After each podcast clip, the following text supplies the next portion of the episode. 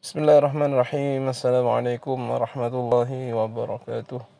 Bismillah walhamdulillah wassalatu wassalamu rasulillah wa ala alihi wa sahbihi wa man wala hamma ba'd. Alhamdulillah puji syukur kepada Allah Subhanahu wa taala. Kita masih diberikan kesehatan sehingga kita bisa melanjutkan pertemuan kedua ini di mana kita akan membahas tentang pengertian kritik hadis. Baiklah teman-teman, diharapkan lebih baik ketika Anda mendengarkan rekaman ini kalau bisa sebaiknya dan lebih bagus begitu ya kalau Anda membuka PowerPoint yang sudah saya buat. Baik. Pada halaman pertama ya, kita akan bahas tentang kata nakat sendiri. Nakat ini artinya kritik ya. Jadi nakdul hadis kritik hadis. Mata kuliah kita kritik sanad hadis. Jadi nantinya kritik e, terhadap hadis ini atau penelitian terhadap hadis ini mencakup dua hal.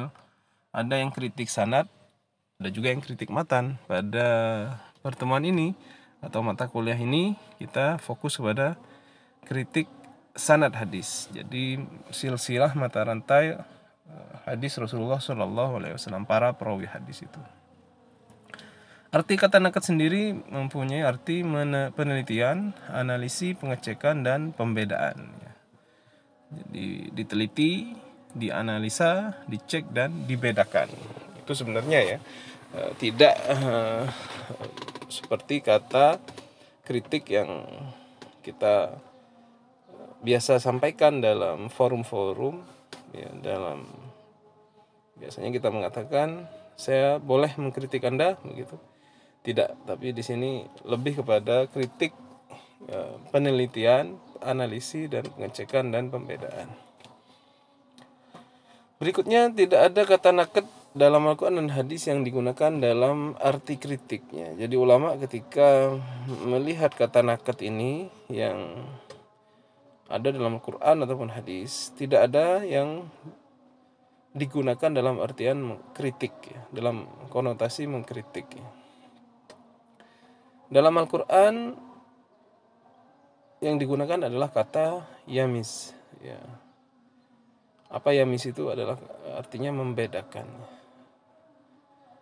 Uh, mungkin berangkat dari kata yamis itu Imam Muslim menamakan kitabnya dalam bidang kritik hadis dengan atamyis, atamyis yang membedakan antara hadis yang diterima dan yang tidak seperti itu. Sedangkan ulama hadis terdahulu menggunakan istilah al-jarhu wa ta'dil daripada istilah nakad hadis. Jadi istilah nakdul hadis atau kritik hadis ini adalah istilah ulama kontemporer. Ulama terdahulu menggunakan istilah al-jarhu wa ta'dil. Apa itu al-jarhu wa ta'dil? Al-jarhu memberi komentar negatif dan at-ta'dil memberi komentar positif. Jadi ulama dilihat dari sisi keadilan dan juga dilihat dari sisi kedobitannya. Jadi misalkan Fulan bin Fulan Sikotun Fulan ini adalah orangnya sikoh terpercaya Jadi di segi keadilannya Hafid orangnya hafalannya bagus ya. Jadi kan dalam uh, kriteria hadis sahih yang diterima itu ada lima syarat. Yang pertama ittisalus sanad, sanadnya harus bersambung. Yang kedua adlur rawi, rawinya harus adil. Dobtur rawi, rawinya harus dobit, harus kuat hafalannya yang keempat adamul illah atau adamul syudud. Tidak ada syad. Syad itu kejanggalan. Tidak membedai hadis sahih yang lain misalkan. Yang terakhir adamul illah. Tidak ada illah. Itu adalah lima kriteria hadis sahih. Kemudian yang dikritik kalau dalam kritik sanad itu kalau dari lima itu yang mana? Ya ke semua. Semua akan kita lihat ya. Karena dalam lima kriteria itu semuanya berhubungan dengan sanad. Lima itu berhubungan dengan sanad. Solusi sanad itu sanad. Dokter rawi itu berhubungan dengan seorang perawi. Tentunya itu juga sanad. Keadilan apa? Keadilan juga dengan sanad. Dengan seorang perawi. Syad itu juga dengan sanad. Apakah sanad itu janggal atau tidak illah apakah ada illah dalam sanad tersebut? Maka kelima syarat hadis sahih itu semuanya berhubungan dengan sanad. Yang berhubungan dengan matan apa? Yang berhubungan matan hanya dua yaitu pada sisi uh, adamus syudud dan adamul illah. Tidak ada syad dan ada illah. Jadi porsi sanad di sini lebih banyak ya.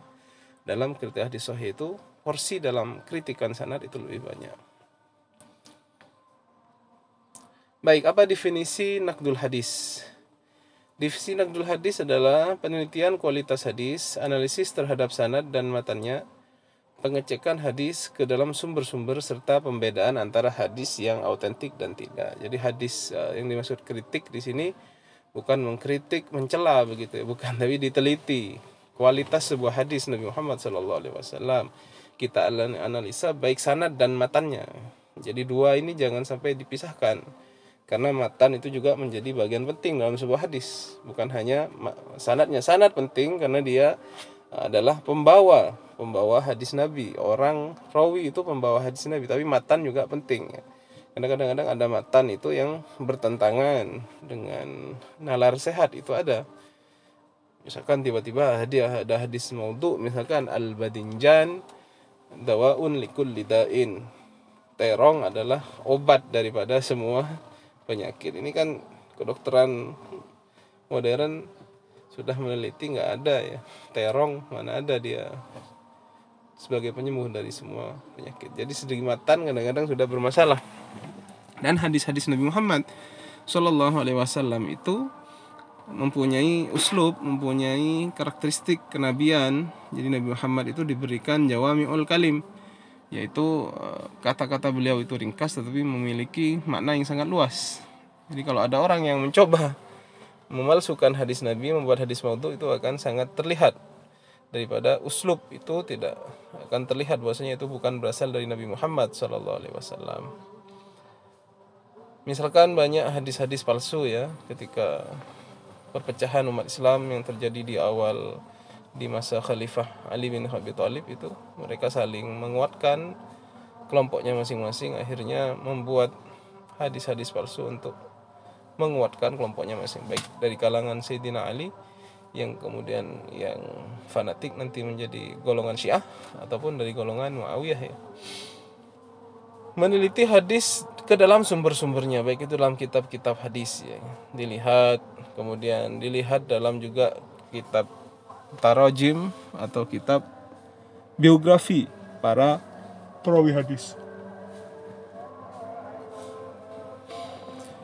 serta membedakan antara hadis yang autentik dan tidak hadis yang benar-benar berasal dari Nabi dan mana yang tidak berasal dari Nabi Muhammad Shallallahu Alaihi Wasallam. Jadi itu kritik kritik hadis. Jadi jangan diartikan kritik ini sebagaimana kritik dalam bahasa Indonesia yang kita gunakan sehari-hari ya, mengkritik anda. Baik, penelitian kritik hadis tidak dimaksudkan untuk menguji kebenaran hadis-hadis dalam kapasitasnya sebagai sumber ajaran Islam yang dibawa Nabi Muhammad karena kondisinya dalam status terjaga atau maksum. Tetapi pada tataran kebenaran penyampaian informasi hadis mengingat masa kodifikasinya cukup panjang. Jadi hadis Nabi Muhammad SAW itu pertama kali dikodifikasikan pada masa Khalifah Umar bin Abdul Aziz Beliau kemudian menyuruh seorang ulama bernama Ibnu Syihab Az-Zuhri untuk mengumpulkan hadis-hadis Nabi Muhammad agar tidak hilang dikarenakan meninggalnya seorang ulama. Masa antara Nabi Muhammad dan Khalifah Umar bin Abdul Aziz ini sangat lama sekali. Ada mata rantai para perawi di sana. Nah, itu yang akhirnya menjadikan kita perlu mengecek apakah hadis itu ditransmisikan, dipindahkan oleh para perawi-perawi yang terpercaya atau tidak. Karena sebuah hadis itu kadang-kadang eh, sebuah hadis itu dilihat siapa pembawanya. Kalau pembawanya orang yang adil begitu, maka kita terima hadisnya. Namun kalau pembawanya uh, adalah mempunyai cacat dalam keadilan ataupun kodobitannya, biasanya hadisnya tidak keterima atau dia sampai kepada atau jatuh kepada hadis dhaif. Bagaimana pandangan ulama tentang istilah Naqdul Hadis ini? Sebagaimana dikatakan oleh Abu Hatim Ar-Razi yang dikutip oleh Mustafa Al-Zami, beliau mengatakan Naqdul Hadis adalah upaya menyeleksi antara hadis sahih dan dhaif dan menetapkan status perawi-perawinya dari segi kepercayaan atau cacat. Maka istilah al-jarh wa relevan dengan naqdul hadis. Maka di sini seperti yang sudah saya jelaskan di awal, istilah jarh wa ta'dil yang digunakan oleh ulama terdahulu sebenarnya adalah istilah naqdul hadis yang kita pakai sekarang. Beda nama saja, cuman artinya sama yaitu kita menyeleksi mana hadis yang diterima dan mana hadis-hadis yang ditolak sehingga kita bisa mengamalkan hadis itu karena hadis adalah sumber hukum Islam yang kedua setelah Al-Quran. Jadi ini eh, pentingnya kita mempelajari daripada kritik hadis ini. Saya kira demikian sebagai eh, pembuka daripada diskusi silahkan kalau ada yang ditanyakan. Assalamualaikum warahmatullahi wabarakatuh.